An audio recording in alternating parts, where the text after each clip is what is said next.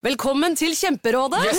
Denne gangen har vi fått inn et kjempedilemma fra en familie. Okay. Jeg leser Hei, vi er litt uenige i familien her. Mm. Hvis du skulle vært et dyr, ville du hatt gjeller eller vinger? Oi, den er tricky. Ja, Hva ville dere hatt, da? Altså, jeg vet ikke, men Med familierabatt får du ubegrenset data fra Telenor fra 399 kroner. Da kan du scrolle seg til svaret, rett og slett. Ja, ok, Men for min del Ja. gjelder. Nei, nei, Gjelder. nei, vinger. Nei, nei, gjeller. Ja, okay, ja, Kjempebra. Men eh, se nye mobilabonnement på telenor.no, da. En podkast fra Podplay. Three, two, one. When liftoff. One, two, three, four, five, five, four, three, two, one. Enter bed. Okay, we checked all four systems, and there you go on modulation, all four, and keying with a go. Quality base here. The Eagle has landed. Etter mye om og men, kjære ørevenn eh, Veldig Vet du hva, jeg må bare si det med en gang. Hei, Eirik. Hyggelig å se deg. Du var så savnet forrige uke. Ja, nei, altså dere hadde jo party. Ja, Jeg ser jo at dere liksom ryddet vekk tomflaskene, satt vekk askebegrene, gjemt bort the greatest hits of the 80s, og nå er det liksom Vi er tilbake på jobb igjen. var litt bekymra for et par sånne sigarettsvimerker på, på den nye parketten og sånn, men, eh, Men men da, ok, det er det gikk bra. Men det, det var litt sånn rart å stille i studio når du ikke, ikke var der. Kan ikke skjønne hva du snakker om. Pål var så veloppdragen og pratet bare når han skulle og sånn. Ja, nei, det er eh, å bli ikke avbrutt og overpratet, for Ja. det, er en sånn ting som av og til skjer her. Så, Ja. ja. Men derfor så er det, derfor så er det veldig godt å, godt å ha deg på plass igjen. Jeg har godt vært tilbake igjen. Ja, nei, jeg har vært fanget i diverse flykaos. Altså, det var jo Forrige uke var jo noen morsomme dager på grunn av snø i Oslo, og etter hvert eh, var det noe greier bort på Vestlandet også, så det gjorde at jeg bare rakk ingenting. Nei, men sånn, sånn, Sånn er det. Sånn skjer det innimellom. Men da kan Flight du is hard, kan vi si det. Ikke bare space is hard. Flight is hard, space is harder. Ja, sånn er det. det Ja. er bedre, ja. Men da kan vi jo i hvert fall eh, nå eh, kompensere med eh, altså et stjernelag.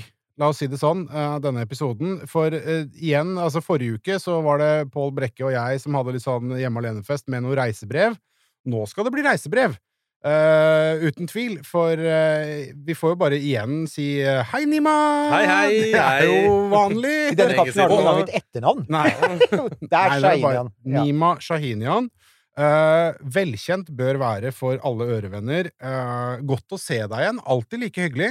Veldig hyggelig å være her igjen. Og så er det jo sånn at eh, det er en person til her som er en fyr som, som vi har hatt på lista lenge. Og lenge før han ble med på ditt lag, så har vi tenkt at vi må jo snakke med Og så har det aldri Det har bare aldri blitt sånn. En litt eh, irriterende kjekk kar.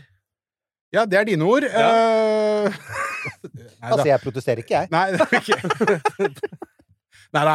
Hei, Nils Mykleby. Hei, hei, hei. Veldig hyggelig at du endelig er her. Vi har snakka mye om deg, Tusen takk for det.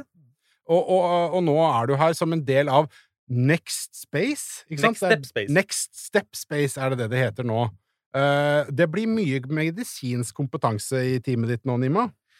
Eh, ja, det blir veldig mye medisinsk kompetanse, og det har også vært med å forme den, det vi kaller mission profile, altså oppdragsprofilen vår, eh, signifikant, og det skal vi fortelle dere masse om her. Så, så det er en helt spesifikk grunn til at Nils er her. Ikke bare fordi han er en kjekkas, men eh, også fordi det er veldig mye mellom øra. Og så han, Når dere skal lage sånn kalender, så er det han som blir liksom Mr. June og July, litt sånn olja opp? eller Er det det du sier? Jeg syns han kler enten June eller July. Jeg Ja. blir mer Mr. January tidlig i januar. Med boblejakke? Ja, og så Ja. har vi jo også Terje Sæle, som, som både dere og alle lytterne deres kjenner til veldig godt, som også er en del av teamet vårt nå. Ja, han skal jo også tilbake i kapselen på et eller annet tidspunkt, for folk ble jo ikke ferdig med å stille spørsmål om faen rommedisin. Ja, nei, nå, vi, vi samler, Da kan vi samle hele kompetansen, ta med Men nå må vi jo høre mer fra Nils, da. Hei, Nils. Hei. Veldig Jeg må si det er veldig gøy å være her. Eh, Det kryr av podkaster der ute, men sånn helt eh, objektivt sett Dette er eh, stort for meg. å være Og så her. hyggelig! Helt objektivt så hyggelig. Det, det, det setter jo vi veldig pris på. Jeg syns det er veldig fint å se at du på trøya di har, fått en, har en sånn navnelapp, sånn som man hadde i militæret. Den her skulle egentlig Nima hatt på seg i dag også, men han surrer litt mer enn meg, så han hadde da glemt det. Eller hva var det som skjedde? Nei, jeg, jeg hadde både glemt det, og så rakk jeg ikke å dra hjem og ta det. Fair enough, fair enough. Men du, altså, vi- jeg, jeg tenker altså, vi kommer tilbake til, til Nima, for vi må plukke opp tråden fra sist. For vi, vi har jo på en måte fulgt din ferd gjennom dette. Finne ut av ikke få noe særlig hjelp fra norske aktører og ESA, og gå den kommersielle ruta. Men, men Nils, vi, jeg, vi, vi tror vi må liksom starte der og si, altså, holdt på å si Hvorfor sitter du her som astronautkandidat? Hva er det som på en måte bringer deg til dette punktet? Ja. Har du vært interessert i dette lenge? Godt eh, spørsmål. Eh, ja, jeg har vel egentlig vært interessert i romfart eh, lenge, men det har liksom vært som for mange en så uoppnåelig, eller litt sånn utilgjengelig, ukjent sak at for meg så er det litt sånn derre Jeg vet dere pleier ofte også liksom, når du har nye gjester, og liksom Hva er deres inngang til Ja, romfarten? For min del så er den litt sånn ene er sånn hard og teknisk, den andre er litt mer sånn myk og følsom. Mm. Altså, en er liksom Jeg bare jeg digger alt som har med teknologi og ingeniørkunst og alt der. Bare se det der første trinnet på Falcon din rygge ned fra verdensrommet. Å, det er det og beste! Jeg, jeg har sett det sikkert tusen ganger, og jeg får ikke sett noe av det. Og liksom, når, liksom hva menneskene er i stand til, da. Mm.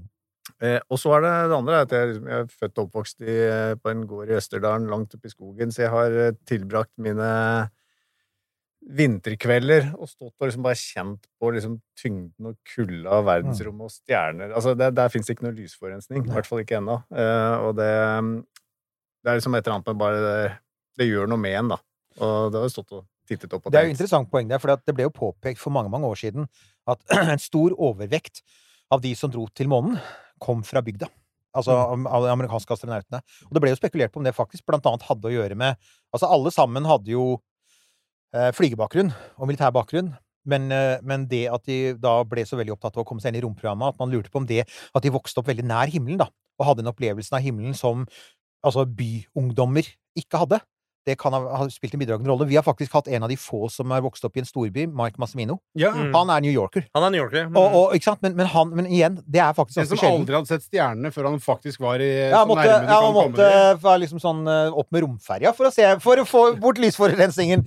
Men du kunne jo bare liksom bare gå ut på tunet, også. Jeg kunne bare gå ut på tunet, men på et eller annet tidspunkt måtte jeg jo bort eh, fra hjembygda, jeg også. Opp, oppleve verden, altså. Jeg, jeg endte jo opp og gikk på skole i Oxford i England en år, og så ble liksom eh, Ja, jeg endte opp å studere medisin, ble lege, eh, og har gått den veien, sånn karrieremessig, men eh, jeg har jo alltid hatt en sånn sterk drive opp mot himmelen. Altså, det, skulle jo egentlig bli pilot, men da jeg sto overfor det yrkesvalget, så var det jo ekstremt håpløse arbeidsutsikter og sånn, så jeg men at du er jo pilot. Jeg- jeg ble- jeg- jeg- gjorde det på den måten at jeg, jeg gjorde det så jeg, jeg valgte det som en hobby, og det angrer jeg faktisk ikke på. Begynte med seilfly, ikke sant, og så ble det motorfly etter hvert, så nå flyr jo alt som surrer og går av små, sjarmerende veteranfly til litt mer sånn eh, høyverdige akrofly hvor himmel og jord bytter plass, og jeg, jeg kan liksom leke meg eh, samtidig som jeg kan reise steder, og jeg,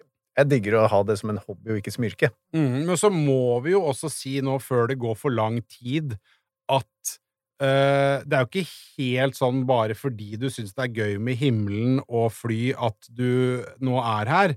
Fordi du var jo også ganske langt oppe i denne ESA-seleksjonen, uh, som uh, også, også Terje var en del av.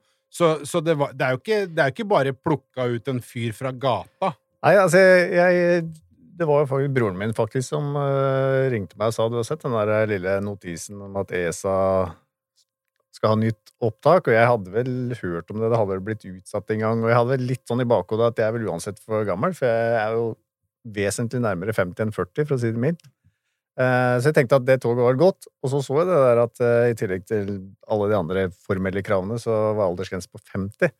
Tenkte jeg først dette er vel en sånn gimmick, bare for å være litt inkluderende og hyggelig med oss uh, old guys, men så var det jo De mente alvor med det, da. Og da, da skjedde det ting oppi pæra mi, for å si det mildt. Så da brukte jeg mye tid på å søke og forberede det, egentlig, for det, det var en veldig sånn mental prosess, og gikk skikkelig inn i meg selv og tenkte at det her skal jeg søren meg gjøre litt ordentlig. Og så til min store overraskelse så ble det en eh, For de var jo ganske brutal Den der første seleksjonen var egentlig drøyest. Det gikk jo fra 23 000 ned til 1300 cirka. Så da var liksom Ja, game over for veldig mange. Ja, jeg regna med at jeg også skulle være ute der, så det var liksom bare Nei da, velkommen til Hamburg. Eh, Da tenkte jeg at ok, dette er eh, sykt gøy, jeg må bare gjøre mitt. Og så blir det jo derfra, ikke sant, jeg skjønte vi skulle da ned til 400.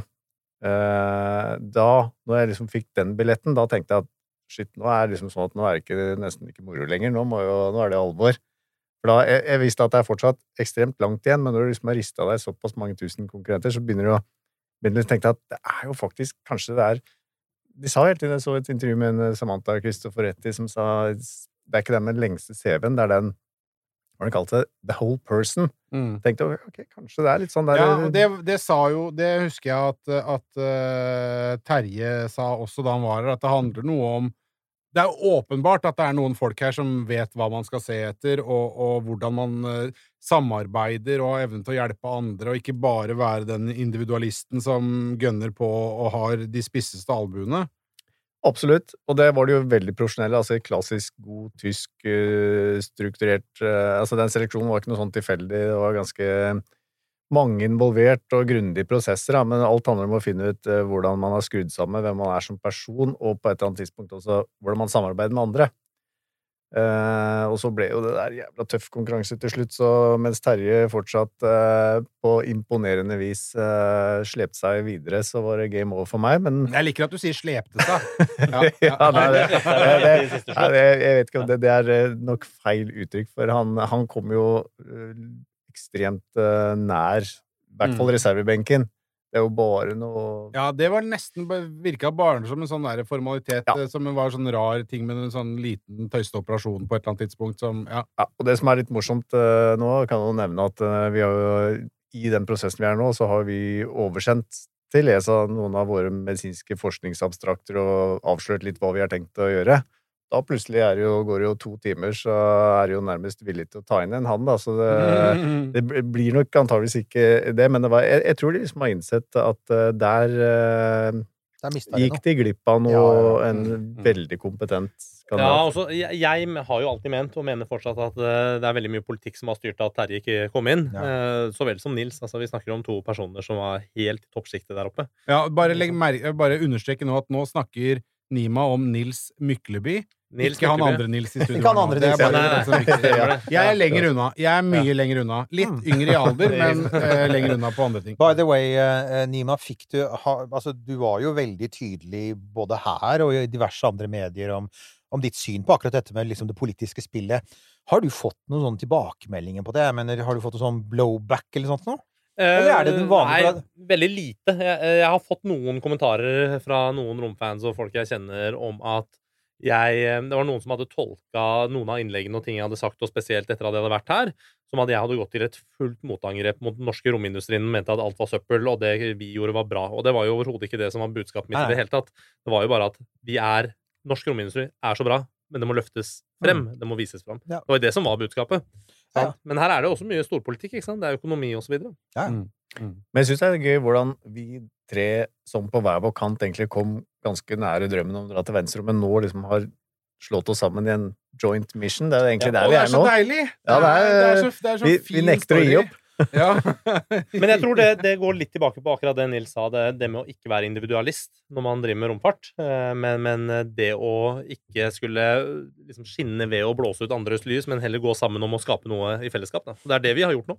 Men det er jo interessant. Altså, det, det er jo Dette er jo basert på erfaring. Det er jo nå over 500 mennesker som har vært oppe i rommet. Og det har jo vært to veldig store romorganisasjoner, russernes, sovjeternes og NASA, som har forsket på dette i tiår etter tiår. Ja. Så det er jo eh, At man ender opp med å velge personlighetstyper da, som, som dere, er jo ikke bare av convenience. Det er jo nettopp fordi at man, man har prøvd og feilet. For hvis du ser på romhistorien, så har du hatt eksempler på folk med stort ego som eh, Ja. Jo, men legg merke, legg merke til, Eirik, at eh, Nils her også er god i både gym og matte. Ja, det er det jeg pleier å si, det. Mest irriterende folka i verden. Det er Mhm. folk som Ja. Piloter! Ja. Men, Men mm, en ting som eh, Nils var inne på her nå, han brukte et ord som jeg bare Ja, det skjønner jeg, eh, så jeg bare lar det gli. Eh, var det noe sånn eh, medisinske abstrakter og også med noe mission-profil og så videre. Og det bringer oss jo inn på det neste. For bare en ukes tid siden så eh, sendte jeg en melding til Nima, og så gikk noen dager før det skjer mye, og så ringte du meg, Nima, og da var det så mye! Og Nima har så mye å fortelle. Det er så lenge siden vi nå har liksom fått Eller egentlig så er det ikke så lenge siden, men det bare skjer veldig mye på kort tid Ja. i hele romeventyret som du Ja. på en måte styrer. Og jeg tenkte altså, der forrige episode, forrige Nima-episode sluttet Ja. Sånn eh, last episode, ikke sant? Så, så, så virket det litt mer sånn usikkert, og det jeg husker vi snakket litt om det også, at det var liksom hva skjer nå? Hvilken vei går du videre? Hvordan kommer du liksom inn i prosessen med SpaceX? Og så ser det ut til å ha skjedd ting, da. Ja, jeg kan jo innlede, og så tror jeg etter hvert at jeg må eh, sende ordet tilbake til Nils Det er Mykleby. så fint. Eh, Men det som skjedde, er at vi, vi lanserte jo det vi den gang kalte Paraastronautprosjektet, som vi valgte å slutte å kalle Paraastronaut. For det var ikke et parallelt løp til det vi drev med. Det prosjektet pågår fortsatt. Eh, Jeg tror det jeg gjorde veldig riktig, eh, var å approache Nils og Terje. Og sette meg ned sammen med de, drikke litt kaffe og bli enige om å jobbe sammen. Og kjemien var bare helt sånn pang bromance fra dag én. Så, så vårt eh, prosjekt med å kvalifisere en funksjonsvariert person, den eksisterer fortsatt, og den går litt på det Nils kanskje skal fortelle litt mer om nå, dette med forskningsabstrakter. Men det er klart at når eh, unike mennesker kommer sammen med store ideer og store tanker, eh, så begynner ting å skje. Så i stedet for å bare handle om kun handle om universell utforming og det å bevise at eh, det er mulig å bringe mennesker med funksjonsvariasjoner til verdensrommet og den type ting, så viste det seg at vi plutselig satt med en unik kompetanse til å gjøre en helt unik forskning som hele verdensromsamfunnet har skreket etter over lengre tid. Jeg kan gi innledningen på det, så tror jeg det blir helt riktig at Nils tar resten som lege. Men i eh, Deep Space Exploration, for eksempel Mars, så snakker man da om fire røde flagg. En av de er stråling, det andre er distanse hjemmefra, kommunikasjon og disse tingene her. Den fjerde er det som heter sans. Skal jeg prøve å si det, Nils, jeg som ikke er lege? Sans står for Space Related Neuroocular Syndrome. Ja, nesten. Var det ja, ja, det er Det vi, vi burde lage et norsk ord på det. Ja. Space Det er noe ocula, det er noe med øye Ja. og noe greier her. Ok. Eh, Si, si det, si det eh, for, som til en femåring. Hva, hva er det som skjer her? Det som skjer, er at Jeg passer ordet videre. Nei da, det er, jeg det er liker du er så god på å delegere. Ja, ja, du sender en dårlig nyhetsmelding til legen. Okay. Men trykket i hodet endrer seg. Ikke Ja, sant? altså, Terje kunne også sikkert ha forklart dette fryktelig grundig, men du spør om å få det forklart eh, som en femåring, så la oss prøve på det.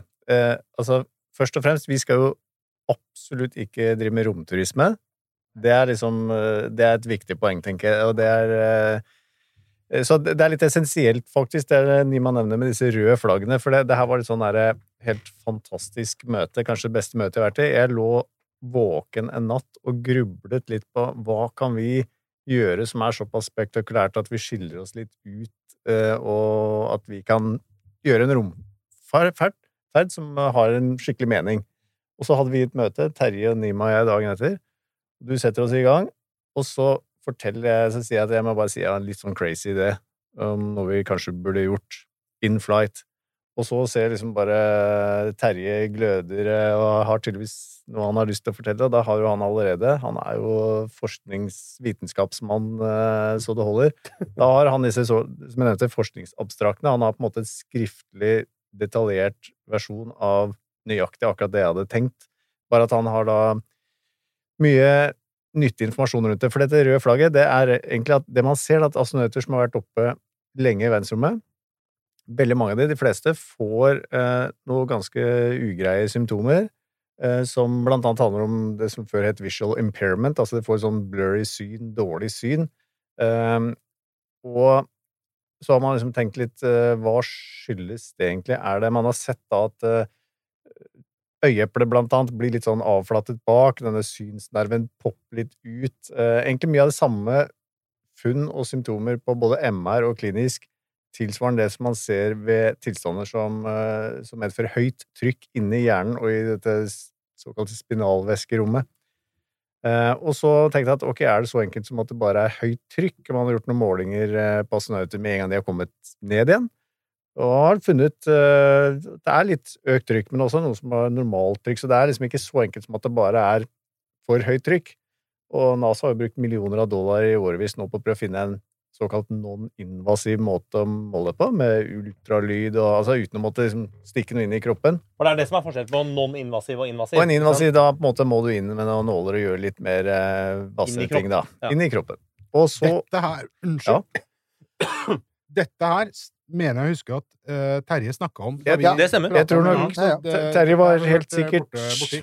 Innom, innom det her, for det er ganske essensielt. Eh, Og så har man jo da funnet ut at nå må man finne ut av det der, fordi det for, for eksempel å dra til Mars, det skjer ikke For å sitere det de sa i SpaceX også, faktisk. Altså, selv om vi hadde hatt teknologien til å dra til Mars i morgen, så kunne vi ikke gjort det før det her er løst, for det er for risikabelt. Mm. Det, det derre trykkforandringen her kan også påvirke sånn kognitive funksjoner, og det, det er på en måte potensielt Man finner ut hva det, hva det skyldes.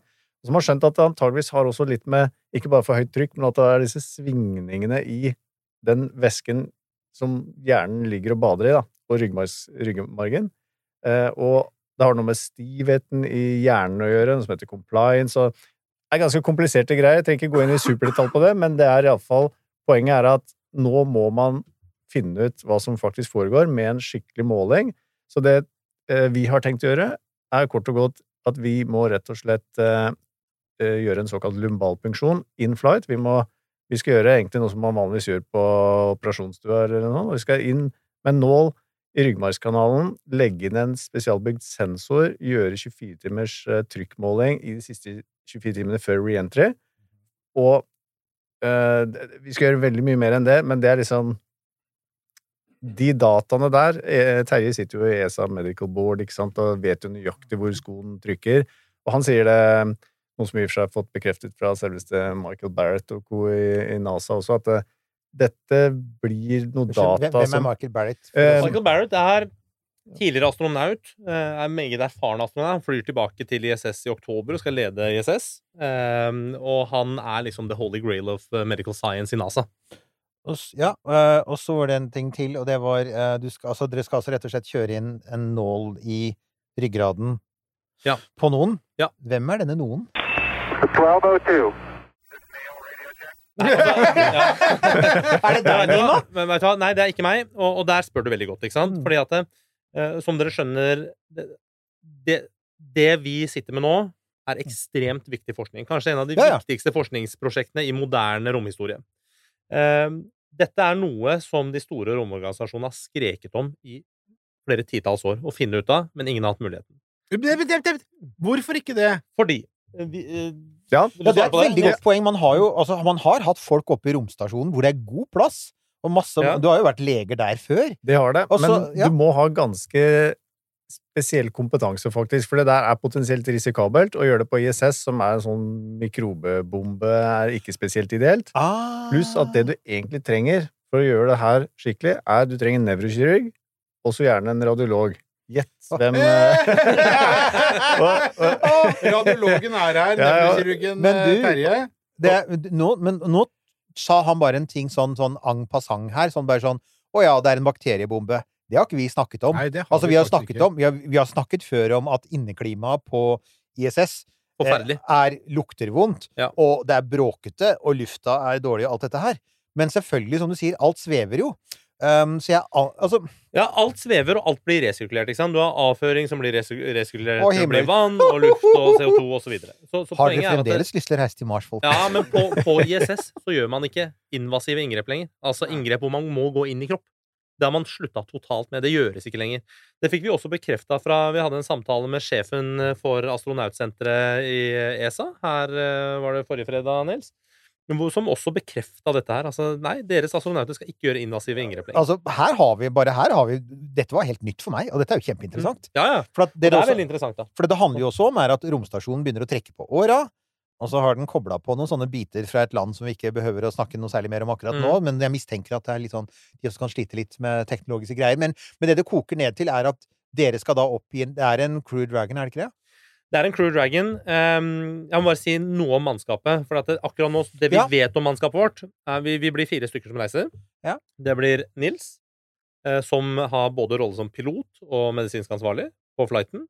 Vi har Terje, som blir mission specialist og nevrokirurg og science eh, chief. Eh, jeg, som skal lede selve oppdraget. Og fjerde Kan person jeg bare få lov til å Kan jeg bare få lov til å Bare Det som er, uh, som, jeg, som er så gøy, er det, det du Måten du formulerer det på, er liksom Det er så, det er så konkret, og det er ikke sånn Det er sånn Vi blir vi, Legg merke til Vi blir fire som skal reise. Ja. Og da kjenner jeg at det, håra i nakken reiser seg. Ja, ja, ja. For det blir vi. Og ikke bare Det er så blir. gøy! Ja. Ja, ja. Men den, den fjerde personen, den har vi ikke valgt ut. Den kommer til å være en av de eh, kandidatene vi nå jobber med, med ulike funksjonsvariasjoner. Så det blir fjerde. Så, så der blir det testing og en seleksjon som, eh, som pågår i disse dager nå. Men, men betyr det at det er den kandidaten som skal få en nål i ryggraden?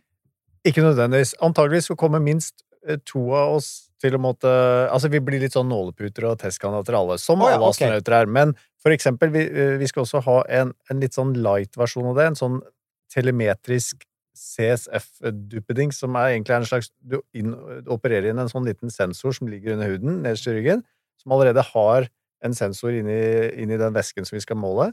Det får, du, det får vi innoperert to uker før på et sykehus under kontrollerte former. Og det gjør ingenting å bli skutt opp og få 3G på den Jo, ryggen? det er faktisk en av de tingene vi er Nemlig. litt bekymret for. Ja, det var det jeg tenkte. at, tenkte. eh, For du ligger jo der og presser på, ikke Ja, sant? ja, Og og det kan flytte på seg sånn. Ja. Fordi vi har i- Når man skal planlegge disse tingene her, så er det ekstremt viktig at vi har god dokumentasjon på risikovurdering. Eh, Og akkurat når det kommer til den vi nevner det her nå, som på en måte den er ikke en like god måling som vi skal gjøre, for det, den gir bare noen sånne av og til en eller annen avlesning, så det blir ikke den der dynamiske 24-timersmålingen vi trenger. Mhm. Men det er bedre enn ingenting, og den fikk vi snusen i da vi var hos SpaceX, at um, faktisk eh, dette Polaris Dawn, som skal vel gå i juli, mm -hmm. de driver faktisk og muligens skal ha en sånn en. Mhm. Så det Terje og jeg har i hvert fall når vi har vi har jo sendt over eh, disse dokumentasjonene og Mm. planene våre til, også til medical team i SpaceX, og der har vi jo, det kan jeg vel si her, overdrevet litt grann risikoen, og også sagt eh, Rett og slett for å liksom skremme de fra For vi vil jo helst ikke at eh, Jared Isaac, nei? Jared Isaacman, og at de egentlig skal lykkes med det. Nå ignorerte vi han ganske heftig, da. Ja, vi det der. gjorde vi faktisk. Å, ok, ok, dette er, nå, dette er, dette er reality-drama som er Ja, ja. Nimas liv, så må vi komme til dette. Hva, hva, er, det, hva er greia med deg og Jared? Hvorfor ignorerte dere han? Nei da, jeg har ikke noe mot Jared. Altså, kanskje Jared er litt breial? Nei da. Nei, vi, vi, Det, men kan jeg bare nei, si en ting? Jeg kjenner vi kjenner han ikke, men han er breial. Ja, vi, vi var opptatt av å inspisere en SpaceX romdrakt, eh, og så rusler Jared inn i rommet. Og der står vi rundt bordet sammen med liksom Director of Science, Director of Medical, uh, Operations Director, altså alle disse toppsjefene i SpaceX. Så står vi rundt bordet og inspiserer, og så kommer Jared inn og tror liksom at alle skal snu seg og reise seg inn en high five. Og så er vi egentlig bare så fokuserte at det er ingen som får seg selv til å si hei til en gang. Da følte jeg meg litt dust. Jeg følte meg litt kul, jeg. Ja. Fordi, vet du hvorfor? Ja, det er godt. Det er deilig. Det var dagens Ja. norskeste Ja, uttalelse. det er, eh, og det, det, grunnen til det er fordi jeg syns Det som jeg var så spent på eh, Nima hadde hatt et lite formøte med salgsrepresentanten kvelden før, mens Terje gikk og hvilte oss på hotellet, så var de ute og drakk litt te- tequila, hadde det gøy. Og så, når vi møter opp her, så hadde han sagt at han har aldri sett eh, liksom hele boardet så spent på et besøk. Tenkte jeg, Er det sånn amerikansk eh, høflighetsfrase, eller er det faktisk sant? Da vi kom dit, så var det fader meg det var jo, De var jo skikk... Altså hele teamet, det var ikke bare to-tre stykker, det var jo ti-tolv stykker med eh, head of eh, operation, chief operation, medic, sjef of medical team, science team. De hadde liksom satt av mye tid. Så da vi sto inne på selve treningsrommet der og så på romdrakten, og de forklarte, og vi holdt på, så kommer han uh, Isaac Mann inn, og han er nok vant til For han er jo en god kunde av SpaceX, og Åpenbart. så ja. han er nok vant til at når han smeller inn der, så er litt sånn alle sammen stimer, stimer rundt han. Men de folkene rundt oss, de var liksom såpass opptatt av oss at de brydde seg jeg tror han Jeg mistenker at han tenkte Hvem svarte var disse med norske flagg? Ja. Ble kanskje litt da. Litt sånn Hvem er disse? Ja. Så jeg håper jo at han også får snusen i at um, hvis han leser papirene vi har sendt over, så er det en viss risiko med den sensoren de har tenkt å legge inn. Og forskjellen på dere og oss er jo at hvis det skjer eksempel en blødning, at denne lille sensoren flytter seg 3,5 G, så har de et problem. Eh, Og det har vi også, i og for seg, men vi kan jo faktisk gjøre noe med det. Ja, det er nemlig vi det. kan i Har noen verste folk fall som kan fikse det, ja. vi Ja. kan i verste fall faktisk fjerne en eh, blødning, og det blir jo på en måte skikkelig cowboykirurgi i Ikke noe drømmesituasjon, Ja, men altså, for der kommer vi til en ting som vi har vært inne på før, men egentlig aldri Altså, ikke har egentlig hatt noen i studio vi kunne diskutere med, og det er jo nettopp operasjoner og blødninger i vektløshet. Mm. Er ikke det en interessant situasjon? For at altså, du har jo da Altså, du har jo ikke noen opp eller ned, og, og ja, altså, blod vil jeg anta gjør akkurat det Altså, den har jo overflatespenn, høy overflatespenning og vil danne Ja, ja. en boble, og ja. det flyter ikke så fort ut som man kanskje skulle tro. Eh, Men vi har jo vi har, Terje og jeg har snakket en del om en annen ting vi skal gjøre. Vi skal se litt på Vi skal gjøre masse målinger av hjernens metabolisme og oksygenforbruk etc. Um, og da trenger vi også, også For vi Altså, vi trenger rett og slett å gjøre mest mulig invasive ting. Altså stikke nåler og gjøre ting som er såpass uh, spektakulære at ikke andre astronauter kan gjøre det. At vi, tross alt, vi sant, ESA, NASA, det er svære byråkratiske institusjoner, må gjennom tusen møller. Det hadde aldri fått muligheten til å gjøre det som vi skal, men vi er ikke regulert under riktig så strenge Altså, vi skal gjøre det skikkelig, vi òg, men vi, skal, vi kan antageligvis tillate oss noe høyere risiko. Men vi bygger jo tung dokumentasjon på at vi har en plan for disse ulike tingene. Og jeg nevnte den der sensoren som vi skal legge inn i en halsvene. Eh, Da skal vi gjøre det ultralydværleder, trygt og fint. Og liten sannsynlig for noen komplikasjon er, men skulle det bli en blødning på halsen Ja, altså Terje er jo erfaren kirurg på halsen, rett og slett, så vi kan jo åpne opp. Vi kan legge som heter tacosil rett på. Altså, vi har liksom okay. en, vi har en plan på worst Dere, dere Kan du. To ting her nå. Uh, uh, hører du sjøl hva du sier? Ja, ja, ja. Det, det er det ene. Jeg- har ikke meningen å le, men jeg, det er noe med tanken på å drive og skjære opp i en hals, ja. Det er, det er det ene. Og det andre er Når du i lø, altså nå i løpet av de siste månedene forhåpentligvis har innimellom har tatt et litt sånt steg tilbake og sett på hva du holder på med Da er det derre idrettsutøverspørsmålet Hva føler du nå? Ja, altså ja, jeg, Dette er litt sånn der strategibygging òg, ikke sant. Veldig mye av disse tingene vi skal gjøre, har lav risiko.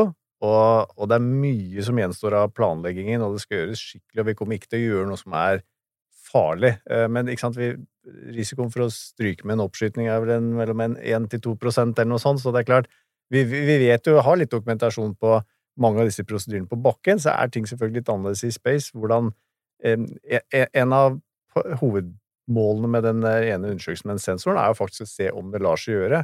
Hvis det viser seg at det er høyt trykk, eh, så kan man jo faktisk kanskje Kanskje behandling er å tappe ut litt væske, og da må man jo vise at det faktisk er mulig i space. Er- Det er vel ganske altså Jeg antar det er ganske bred enighet om at det er vektløsheten som gjør at du får disse problemene, er det ikke det? Altså det er ikke strålingsmiljøet? Det er, det er mikrogravitasjon som stort sett man antar er årsaken Ja. til masse av disse tingene. Og det er jo interessant, for vi hadde jo, vi, I en av våre påskespesialer så snakket vi jo faktisk om dette med at du får jo ikke for eksempel noe som helst slags husdyr på Mars før du faktisk fikser gravitasjon under overfarten. Ja. Fordi at de Mm. dyra du eventuelt skal leve av der oppe, for eksempel sånn som høns, Ja. de, de, trenger, de trenger faktisk gravitasjon for å, for å spise og drikke.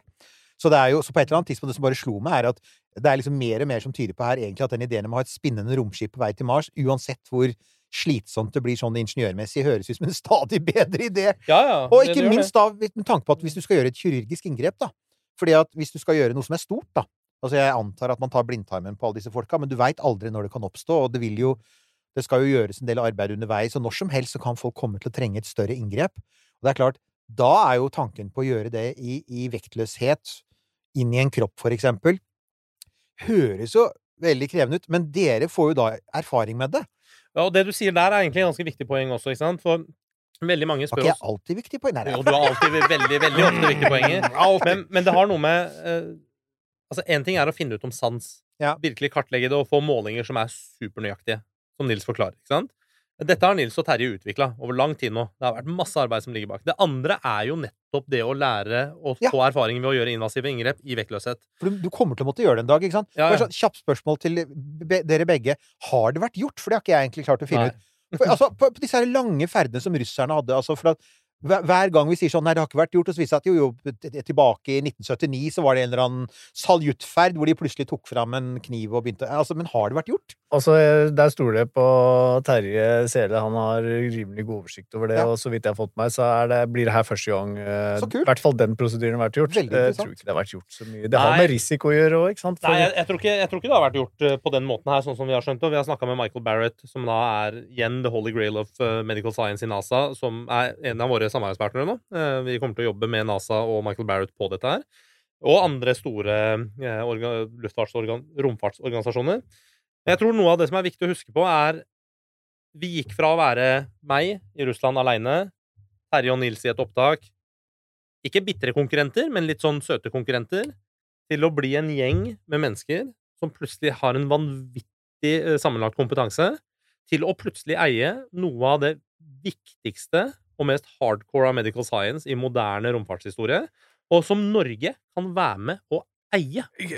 Altså, jeg bare Det er Vet du, jeg bare, kan jeg bare få si helt på, Jeg syns det er så fint å på en måte ha vært, liksom, få være med, ha vært med på den reisen. Og dere har vært med hele veien. Første gangen du var her, hvor det liksom sensasjonen Nima som, som, eh, som var og, og trente til å dra i verdensrommet i, i, i Ros, på, sammen med Roskosmos, eh, og, og til, til det det har blitt nå, som er en, en kjempeorganisasjon som til og med har liksom kjøpt seg landområder og, og bygninger, Ja, ja. og, og det, har, det, har så, det har blitt så mye, og det er, det er, Jeg syns det er helt supergøy! Det er veldig gøy, og jeg kan jo også sitere hva SpaceX sa til oss sist vi var der nå, i Hawthorne, California.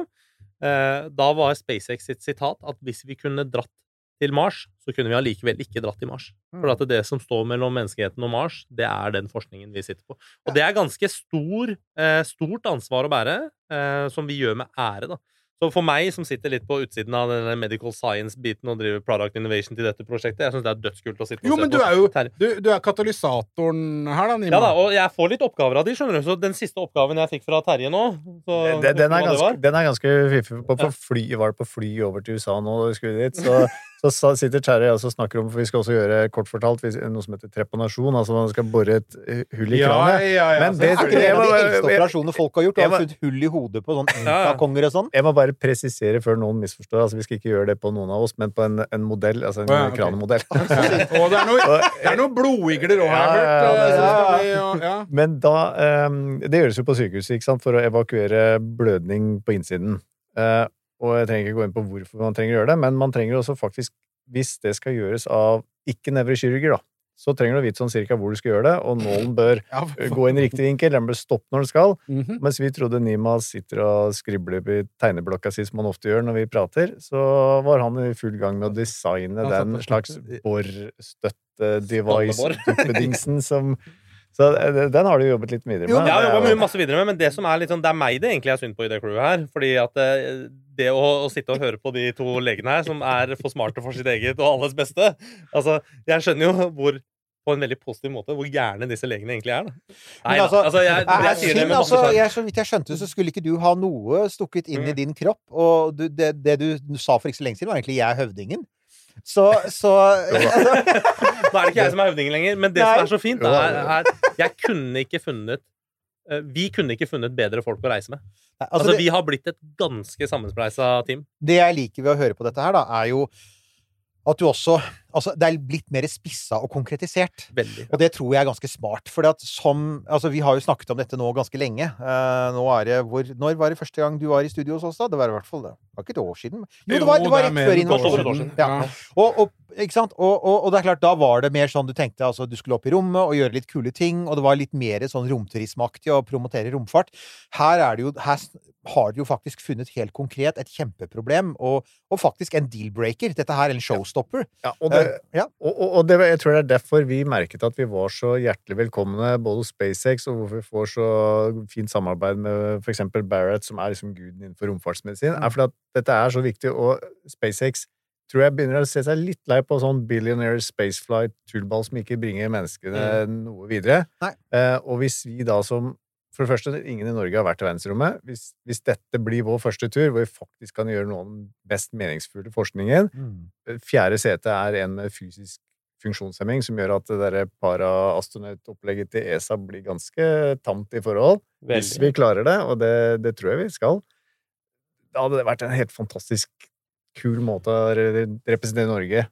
Men vi kommer jo da, det er et spørsmål som vi har tatt opp før, og som da dukker opp igjen, er jo dette med sånn, altså, Vi skal jo ikke si hva dere uh, må betale for dette her, for det, det er jo ikke sånn som dere kan snakke åpent om, som, så vidt jeg har skjønt.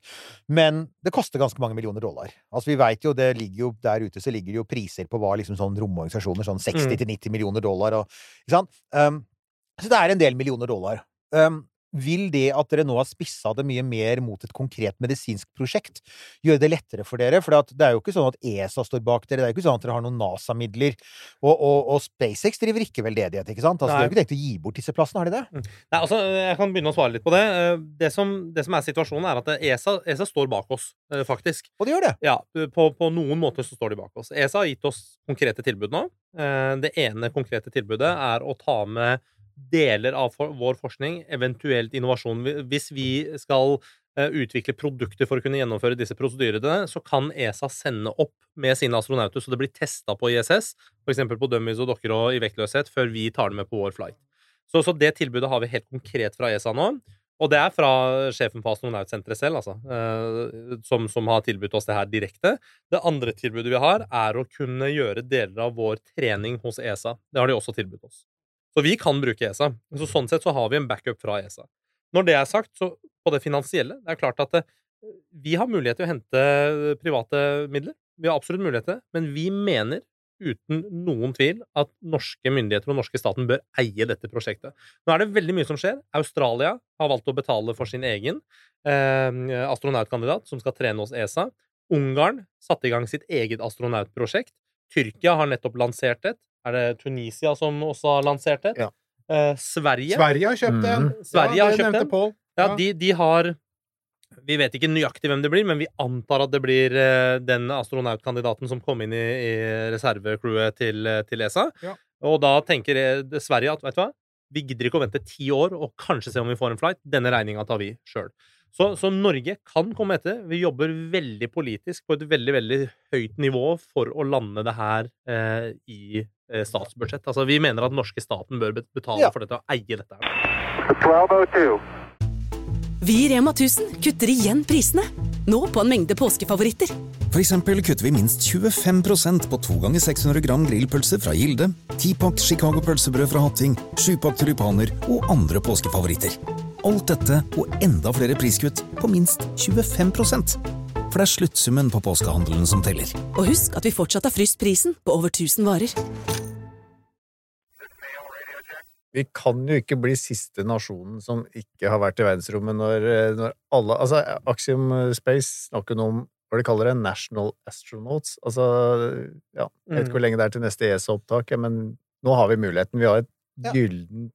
Lite vindu her nå, men venter vi for lenge, så kommer noen andre til Så da kommer Burundi til å ha sin første astronaut før vi har det. Å ja, ja. Ja, men, så det, så kommer, men, men viktigst, dette, Unnskyld, denne sansforskningen kommer til å bli eh, tatt av noen andre. For at dette er så viktig nå at nå må noen snart gjøre det. Så det er derfor vi sitter på en sånn gullbillett som jeg tror mye er grunnen til at SpaceX og alle sammen nå er så, de er så ivrige på at det her skal skje, for de vil også skinne litt. Eh, Så vi skal ikke gå ut på priser og sånn, men eh, det er ganske eh, dette, heftig bra den- tilbud vi har fått, da. det, det her bør Norge ta. Mm. Uten tvil. Men når vi først er inne på det, du, du har ikke nevnt noe om hvorfor uh, selve oppdragsprofilen, altså hva vi skal leve i. Vi har jo vært og testa Ja, altså Kapsel. Ja, nemlig. Det var det. Så til, sånn til det rent konkrete. Det, det, Det er så er, mange deilige det konkrete er ting her! en rule på fire dere har allerede beskrevet, og tre er allerede kjent. Uh, og så er det eh, Siden det er fire, så er det altså Crew Dragon vi snakker om. Yes. Eh, så den skal skytes opp en Falcon 9. Og, det, så det er, og dette er jo kjent og, og veldig sikker og bra teknologi. Um, og så er det hva ellers skal skje. Nei, altså, du kan jo kanskje fortelle litt om det, du, Nils, men, men eh, vi skal jo ikke dokke. Nei. Vi, Dere skal jo ikke til ISS. vi, ikke vi, vi trenger jo ikke være så lenge. Vi trenger å være Veldig mye av disse fysiologiske forandringene i kroppen skjer jo ganske fort, eh, så vi trenger bare være i utgangspunktet noen dager. Så en freeflyer, ti dager cirka, eh, 800 km høyde, sånn dobbelt så høyt som ISS nå, det er ideelt. Mm.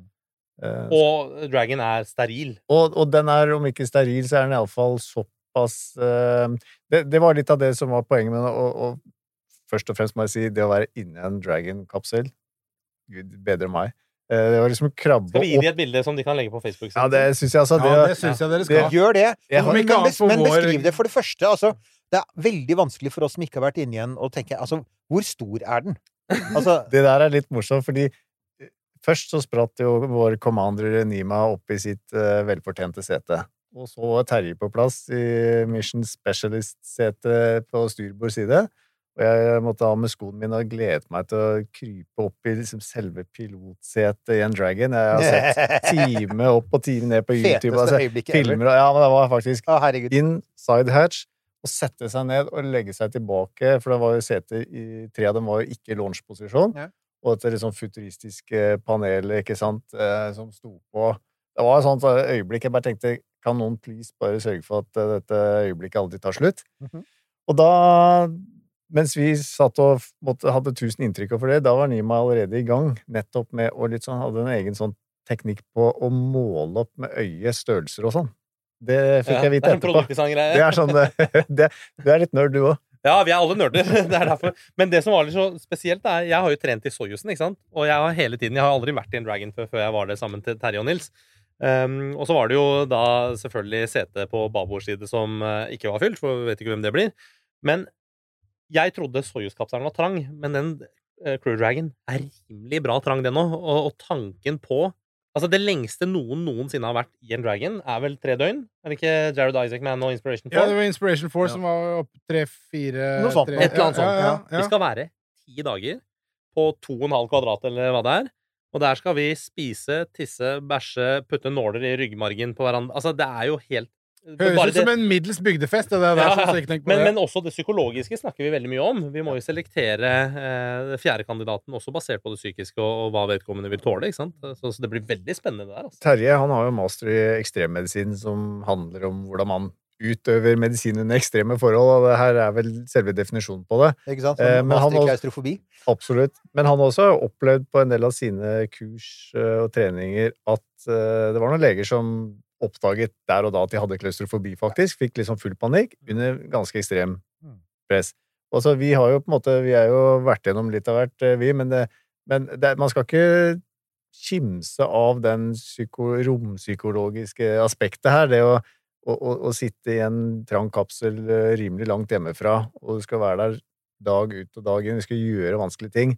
Vi, vi, vi skal kjenne hverandre godt og stole på hverandre og være rimelig sikre på at ingen klikker. Det Og bli er- enda bedre kjent i løpet av de dagene. Å, ja, men vi må nok bli så, god kjent, så godt kjent eh, også lenge før vi drar. Men, men det er jo klart at eh, Jeg syns kapselen var mye trangere enn det jeg hadde sett for meg. Terje og Jeg Nils var trodde ikke så den var litt sånn spacious. jeg. Ja, den er litt spacious når det kommer til beinplass og sånn, for at bagasjen går under setene i forhold til Soyuzen som har bak hodet og sånn, men allikevel. Men for Soyuzen har vel i tillegg den der eh, lille kapselen foran. Ja. Altså, Den har jo en sånn separat del hvor Ja, du ja. Habitational module, Ja. eller orbit module, som den heter. Så, Så- så der har du et ekstra rom, da. Det fine Ja. med freeflyeren er jo at uh, hatchen Og du får erstattes av kuppelen. Å, Og ja! den Ja, hadde de, de hadde hadde ja. faktisk en, en, en slags uh, demo av det inne der, Mm. det kan man vel si. Uh, Så, så du fikk faktisk sånn lite inntrykk av hvordan det er å stikke huet opp der. Så jeg tenker hvis man får litt klaus og syns det begynner å bli litt uh, voldsomt, så er det bare å.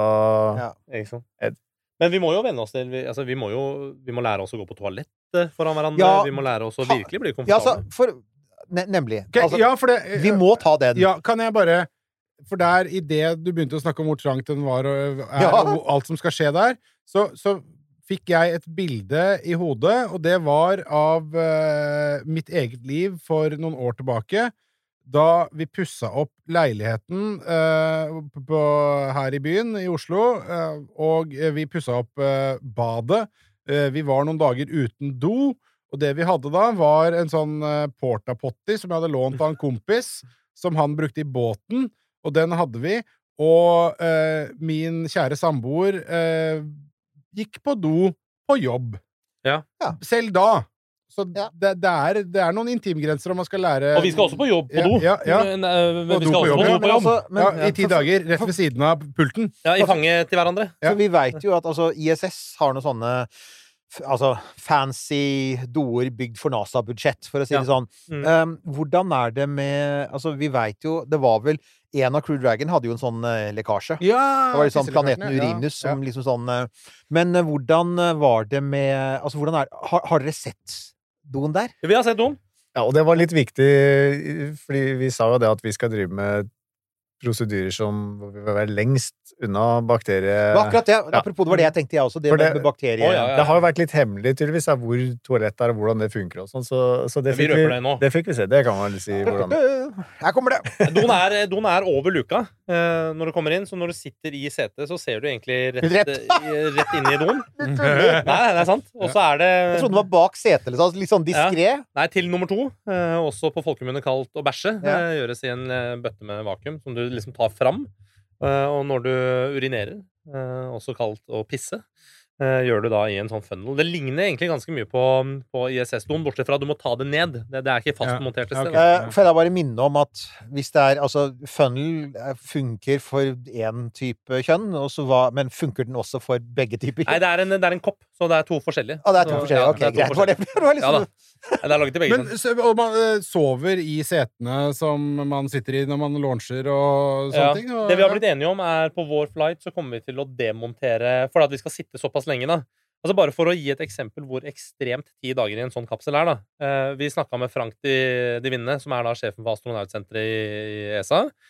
Og han fortalte oss her forrige uke at ESA har stilt krav til SpaceX at hvis de havner i en orbit for lenge, så kommer de ikke til å akseptere at deres astronauter er i kapselen mer enn 48 timer. Så hvis man havner i en mer enn 48 timers situasjon uten å kunne dokke, så krever ESA faktisk at oppdraget aborteres og kommer tilbake til jorden, fordi at de mener det er for lenge for astronautene å bo i en kapsel i mer enn to døgn. Vi skal bo ti døgn. Så det er bare, det er bare eksempler på det her, da. Hvor ekstremt det her er. Hva var spørsmålet jeg skulle svare på? Eh, jo, vi, vi har blitt enige om at fotfestet Altså det er en sånn bøyle foran setene. Den kommer vi til å demontere. Den er montert med fire skruer, to på hver side per sete. Og den kommer vi til å totalt demontere bare for å få litt mer plass i kapselen. da.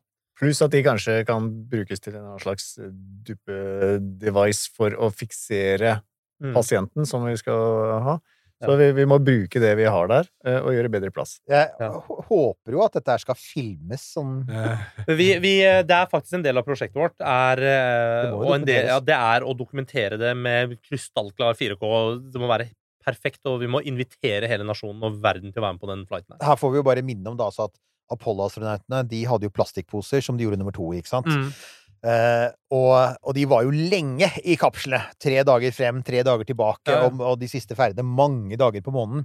Så det, det Altså, vi har lett for å undervurdere hvor ja, hvor trangt jo, det det er jo en grunn til at det Men er de, eh, de hadde jo månelanding for tøy på verden ut, på veien utover. Ja. De hadde det. Ikke sant? Men altså Det er vel og bra med overvåkning av barkebiller og skipstrafikk. Det er vel og bra med eh, boostere som eh, lages på Raufoss. Det er vel og bra med servoer som eh, vrir solceller eh, på juice og andre ting. Det er vel og bra med eh, kommunikasjon og alle disse tinga, men jøye meg, det er gøy Ja. at noen gjør liksom norske romfartsbidraget sexy, altså. Skal, vet du hva det handler om? Selv om vi har snakka om tiss og bæsj akkurat. Ja, vet du hva, det du hva det handler om? Nils Johan. Det handler om det andre Nils. Den følelsen du hadde når du står under stjernehimmelen, da du vokste opp, og du bare hadde den kuppelen over deg. Og det der rare suget du kan få. Den følelsen av å se opp Nå er jeg på et mørkt sted. Jeg var så heldig liksom kunne stå på noen mørke steder. Vi hadde noen slektninger som hadde hytte oppe på fjellet. Og kunne dra opp og bare og, og kjenne på den. Det er liksom den der følelsen der svenskene kaller for sånn hisnande, eller sånn awe-inspiring.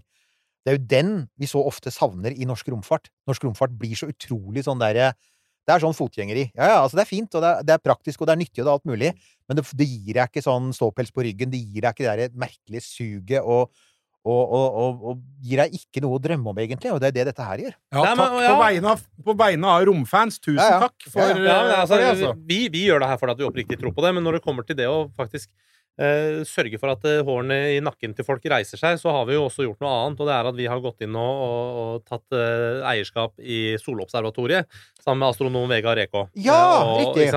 Og der, og der knytter seg veldig til det prosjektet vi gjør nå. For der planlegger vi et astronauttreningssenter eh, i tillegg til et planetarie som handler om formidling og det å bringe eh, kids og unge og hvem som helst inn. Og kom nærmere, frue. Denne kniven kan skjære gjennom en bildør. Om ikke det var nok, den kan også operere i vektløs tilstand. Og denne messen får du tilbud akkurat nå, bare 499, min frue. Og om ikke det var nok, ja! Det er jo interessant, da, for altså, jeg er jo som tidligere astronomiutdanna i Norge. Vi, vi var jo en del på Solåsatoriet på Harestua. Det er jo fremdeles mye av det gamle anlegget er der jo oppe fremdeles. Og nå skal vi pusse det opp. Og nå skal det pusse opp. Så det kommer penger inn i dette her, og Ja, det er, det er et parallell, parallelt og parallelt, men, men ja, et på papiret parallelt løp som vi jobber med. Eh, prosjektet, altså romprosjektet, har eierskapet sitt eh, i Solobservatoriet, sammen med Vegard Eke og Stiftelsen Solobservatoriet. Eh, så vi gikk inn eh, og, og har partner up, og nå, nå skal vi utvikle hele eiendommen sammen. Så selvfølgelig, vi må hente over en halv milliard kroner til å utvikle det. Men, men samtidig så har vi jo rimelig store ambisjoner. ja. Vi, vi planlegger helt Nei! konkret. Har du rimelig store ambisjoner, Altså, Nima? Bare... Det, vi, det vi planlegger, er et rommedisinsk senter der. Eh, Vi planlegger et astronauttreningssenter. Og så drømmer vi om å bygge en menneskelig sentrifuge på Harestua. Men du, det er altså, det jo at det er Lunder kommune, er det ikke det? Jo. Ja. Hva sier Lunder kommune om dette til en potensielt halv milliard astronauttreningssett? Jeg antar de er litt happy? De elsker det. Altså, det de. vi har så support, ikke bare av kommunen, men av det lokale næringslivet, av, av befolkningen der. Vi har så stor støtte i det området der. Det er helt fantastisk. Mm. Så, så det er et sted. Nils og jeg var der for en ukes tid siden. eh, og, Det er og det er jo til å få gåsehud av, ikke sant? fordi at det er så historisk område. Og at, at vårt prosjekt kan bidra til å utvikle det stedet, sammen med de som har vært der tidligere, eh, og utvikle det til et sted hvor vi faktisk kan inspirere neste generasjon romfart, men også invitere ESA-astronauter og NASA-astronauter og oss selv til å trene og utvikle og drive vitenskap og tech-utvikling på området der. Det, det, det må bare skje. Hva, skje. hva har du blitt en del av, Nils? Du Nei, nøt en rolig tilværelse i seilflyet og legejobbing, og så, så kom han derre bajasen her. Ja, eh, det er noe man lurer på hva man har rota seg litt opp i, men eh, når du først har eh, blitt bitt av den basinen her, så er det ingen vei tilbake, vet du. Det er, Vi har det veldig gøy, da. vi har det veldig gøy, og vi får oppleve veldig mye. Jeg syns liksom bare den der turen til USA nå, der, der merket jeg liksom at vi passer godt sammen. Vi er ekstremt ulike personer, men likevel har jeg liksom satt i, i det der setet og hadde Terje og Nima ved siden av meg og gleder meg til eh, fjerde sete skal fylles. tenker jeg at liksom jeg drar gjerne til space med dere. Men vet du, det er en ting. Nå har vi, en ting er at um, altså vi har jo snakket både med astronautkandidater og astronauter.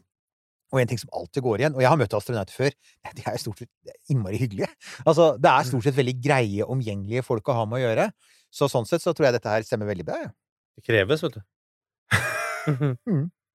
Jeg kan eh, avsløre en liten ting til. Jeg kan egentlig, det som blir sånn mini-quiz eh, inne i SpaceX. Det har noe med interiør å gjøre. Inni selve lobbyen til SpaceX eh, er det noen som kan gjette hva de har lagd et bord av der. Altså bordet som står der, i hallen.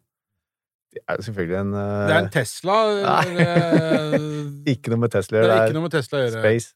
Det har noe med space å gjøre. Da er det en ehm, styrefinne fra en eller annen rakett, tenker jeg. Titan grid-fin eh, til Falcon 9, yes. Hei! Det er bra. For, jeg hadde tenkt å si at han der andre rommilliardæren, han som somler litt, Jeff Bezos, han brukte jo masse penger på å hente opp F1-rakettene fra Apollo 11. Og Ja, det stemmer det. Så på Ja. et, et eller annet sted så Jeg tror han har gitt noe til et museum. Jeg mistenker at han spiser sine veldig nøkterne milliardærlunsjer på et lite bord laget av uh, Werner von Braun. Når vi først er, har en sending, så må vi nevne han. Vi har Ja, det er sant. Elon Musk. Og Elon Musk. Det har jeg gjort. Eh, av, av en av hans skapninger. Men så kult, da! Ja, det var litt sånn morsomt å være sånn, øh, se. Eh, Jeg måtte jo lese meg litt opp på det gridfinnet. Dere kan sikkert øh, mye om de, men de skjønte de var lagd av aluminium først, de. Ja, de var det. Og så ut fra den vanlige sånn eh, test fail often, fail fast, så oppdaget de at det var lurt med titan. Og så har de jo laget noen gridfins på Starship som er helt crazy. Altså, de er jo Kan vi bare ja, ja. kjapp liten sånn learning point til eh, SpaceX der? Det er ofte lurt med titan, ikke billig betong. Ja, Helt Takk. riktig. Der var det. Sånn. Ja. Men det, var, det, altså, det, det bordet er jo bare et eksempel på, på, på hvor kult det er inne i hovedkvarteret på Hawthorne, da. Ikke sant? Hvor du har liksom Rocket Road, er det ikke det? Rocket Road eh, 1, er det ikke Ja. som adressen? Ja.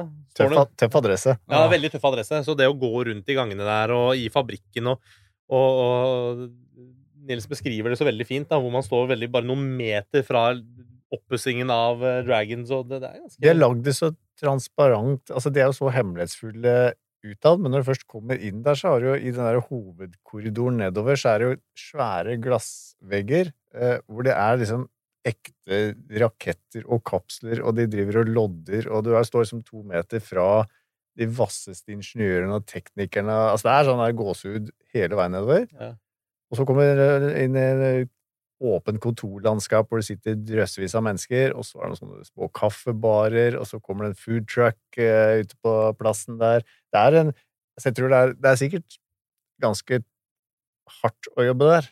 Ja, men det er eh, noe, det er nok en noe med unikhet. Altså, men det, men det, er- det, det er det. Altså, jeg, har- jeg har jo snakka med en som um, jo, altså, hadde mange venner som hadde jobba i SpaceX, og som sa det altså at dette er Hvis du er, hvis du er ung og singel og veldig romorientert, Ja. så er dette en fantastisk arbeidsplass. Ja, ja, absolutt. Ikke Men, men, ja. men det, det er, altså, de krever virkelig altså, Det er amerikansk arbeidsliv på sitt mest ekstreme. Det er det. Ikke det, er til å det. si at det er lite, lite ferier og lite helger hvis du må sette inn en innsats. Ja. Men det er klart det er um, Men først og fremst er det jo bare det at dere kom inn. For altså, jeg har jo stått utafor der. Jeg, husker, jeg, jeg var i Los Angeles og tenkte jeg får jo bare stikke ned i Rock Road, da. Men det er jo ingen av oss. og Hvis, ikke du har en sånn avtale som de har, så kommer du ikke inn.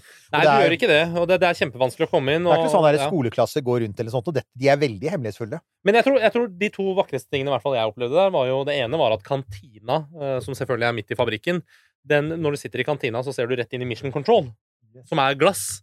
Så du ser de svære skjermene som har hele liksom, live eh, telemetri fra ISS og Dragon som er dokka der og sånn. Og den andre delen som jeg bare falt pladask for, selvfølgelig, var jo at eh, jeg eh, bromansa ganske hardt med designsjefen uh, i SpaceX. Så han og jeg ble liksom buddies, og de hadde en mockup av, eh, av eh, det som skal være soverommet på, på Starship. Så det var jo like før vi la oss i skje der. Da vet du hvordan uh, Altså, Terje og jeg ble litt sånn som du har det når Terje og jeg nerder, for å si det sånn, for da skjønte ikke vi noe som helst av hva dere snakket om. Men det var veldig gøy å se på. Det var Ja. designen i meg. Men vent litt, Så så du sånn som da du, dere drar og koste med medical-folka. Men du, du, interessant, så du så faktisk en mockup av in, noe, av noe av interiøret til Starship? Vi har sett mockup av interiøret til Starship, hvordan det kommer til å settes sammen, og hva planene er for det. Absolutt. Det- Det, det det blir blir et veldig- veldig modulært system. Ja, for at det, er, det er veldig interessant, for at det er en sånn ting som folk har lurt veldig på. Eh, og, og hvor SpaceX i praksis ikke har sagt noe, så det finnes jo en million sånne spekulative videoer der ute. Vi kan, vi kan si litt grann om det, Ja. uh, uten å liksom røpe mer enn det NDA-en vår tillater. Men, men det de ser på, er modulære løsninger som er koneforma. Altså se for deg et utsnitt av, uh, av selve raketten, ikke sant? Mm. Sirkulær form. Og så har du sånne kakeformer, og hver av de kakeformene er en sovekapsel. Den Ja. inneholder uh, en seng, en TV, veldig cozy. Det er nesten sånn som de der japanske Sånne, mo- sånne Kapselhotell, ja. Helt riktig. Ja. Bare at her har du også en dusj og et bad da, Oi, med vann. meg. Det er sånn eh, måten de bygger cruiseskip på. Er at det liksom bare laster inn hele kabinen. Helt riktig, der, eh, ja. det- Lugaren er en container. Og det er inn. akkurat det som er ideen her. da. Så, så det de kommer til å gjøre, er å stacke disse her helt etter Det er bomben, Trivial. Pursuit-brikka som bare Ja, ja. fylles med, med kaker når du har svart på hovedspørsmålet. Ja. Og det store, runde vinduet, da. Og det store under vinduet. Tenker jo Det er sikkert ganske fint å ligge der i, i senga og titte ut. jeg skal være helt ærlig. Jeg, jeg, jeg, altså, du jobber med design, jeg har ingen tro på at de gjør det i virkeligheten. På grunn av, på grunn av, blant annet av stress i metallskinnet og vekt. Og, ja. og dessuten antall passasjerer som er helt vilt overdrevet. Altså, de sender ikke 100 mennesker til Mars i den der, fordi når du tenker på at alt de trenger for å komme til Mars, skal være i det Ja, det er et stort rom, men 100 mennesker skal Du trenger den plassen til andre ting også. Ja, ja. Du, du, blant annet så trenger altså, Du må blant annet ha plass til eh, en liten eh, Altså et sykerom. Sant? Så, så absolutt. Og treningsrom og Ja, disse her. så- Det må være lov å drømme, Eirik. Ja, ja, ja. Nei, men jeg sier Men det er veldig fascinerende å se på hvordan de jobber med, med designet der. For det vi har sett, er jo selvfølgelig det konseptuelle, ikke sant? Og, og det jobbes kontinuerlig med det. Og vi tilbrakte en del tid inne på designstudio og snakka med de, og, og, og har blitt godt kjent med de. Og vet du hva, før vi snakker oss bort her nå, for at nå er jeg på en høy Nå er jeg på en sånn ordentlig og øh, jeg vet øh, Nå husker ikke jeg navnet på lytteren som for et halvt år siden sa at nå må vi slutte å være så negative. Uh, Men det var lenge det er siden vi har hørt det, det, da. er lenge, jo, det er lenge siden. Vi men, hadde en sånn liten men det har vært litt sånn SpaceX-rants og sånn i det siste. Men nå er jeg på en høy. ja. Nå er jeg på en så god høy, og jeg syns dette her er så gøy. Ja. Det er så gøy! Det er så At- gøy at dere syns det er så gøy. Ja, og, og så øh, skal vi gå ut på den høyen. Ja, Jeg har ikke noe annet enn å tilføre enn uh, gøy. Og vi, vi gleder oss veldig til å fortelle videre. Terje kunne ikke være med, for han er i Syden. Og har Velfortjent litt ferie. velfortjent ferie. Ja. Takk for, takk for alt. For Altså, nå, altså. Ja, men det, da, altså, da veit dere at dere kommer tilbake så snart det er mer å fortelle. Det må dere jo. Eh, For dette her er jo kjempespennende. Uh, altså, har dere noe som helst Altså, når vi sier det, veit dere noe mer om hva altså, Sånn aller sist nå til slutt.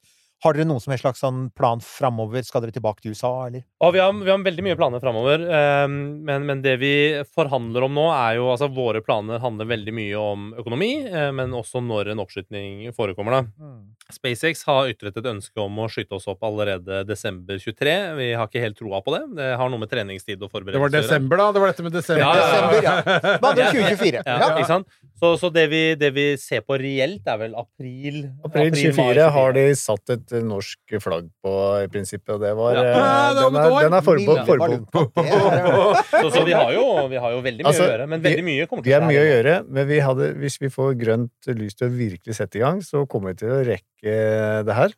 Eh, Men, men det forutsetter jo litt grann at eh, Norge må Dette blir en sånn felles nasjonal dugnad for vi skal skape en sånn eh, Lillehammer 94 Eventuelt så kan man bare åpne. Vi har, Norge har verdens største og dypeste pung. Ja. til, og med, til og med større og dypere enn Elon Musk sin. Så, så det er fullt mulig for Norge å gjøre dette her. Det er det jo, og det, det, det jo som jeg syns er mest interessant med det, det er jo Og vi hadde jo Altså, faktisk så var det jo um, uh, i, Som en oppfølging til den ranten din, så var det jo faktisk en fra Arbeiderpartiets stortingsgruppe som tok kontakt via e-post. Som havna i spam-filteret, for det var fra Stortinget. Det var så morsomt. Han tok kontakt en gang til og sa liksom 'Hvor ble det av mailene?' Sa, Å, der var det, der lå det. Så Google ser på Stortinget ennå som spam. Men um, han ville gjerne han ville, altså han ville ikke ha tilsvarsrett, men han ville gjerne komme og fortelle og prate om det. Mm. Ville gjerne ha næringsministeren hit. Men jeg, og jeg sa gjerne! Altså, kom! Altså, døra vår er åpen. Vi har snakket med politikere før, vi, og gjør det gjerne igjen.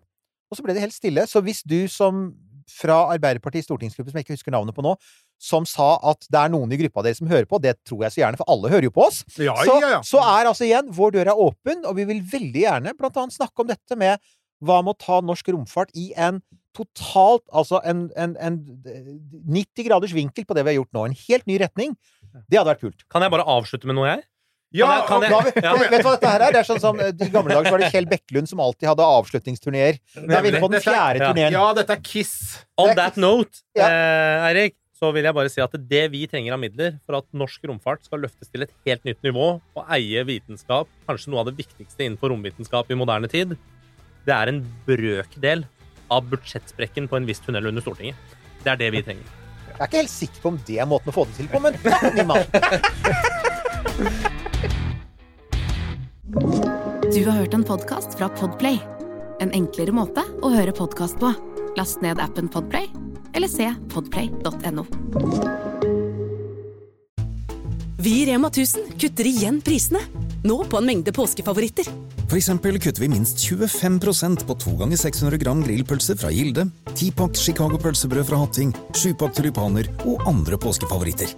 Alt dette og enda flere priskutt på minst 25% For det er sluttsummen på påskehandelen som teller. Og husk at vi fortsatt har fryst prisen på over 1000 varer.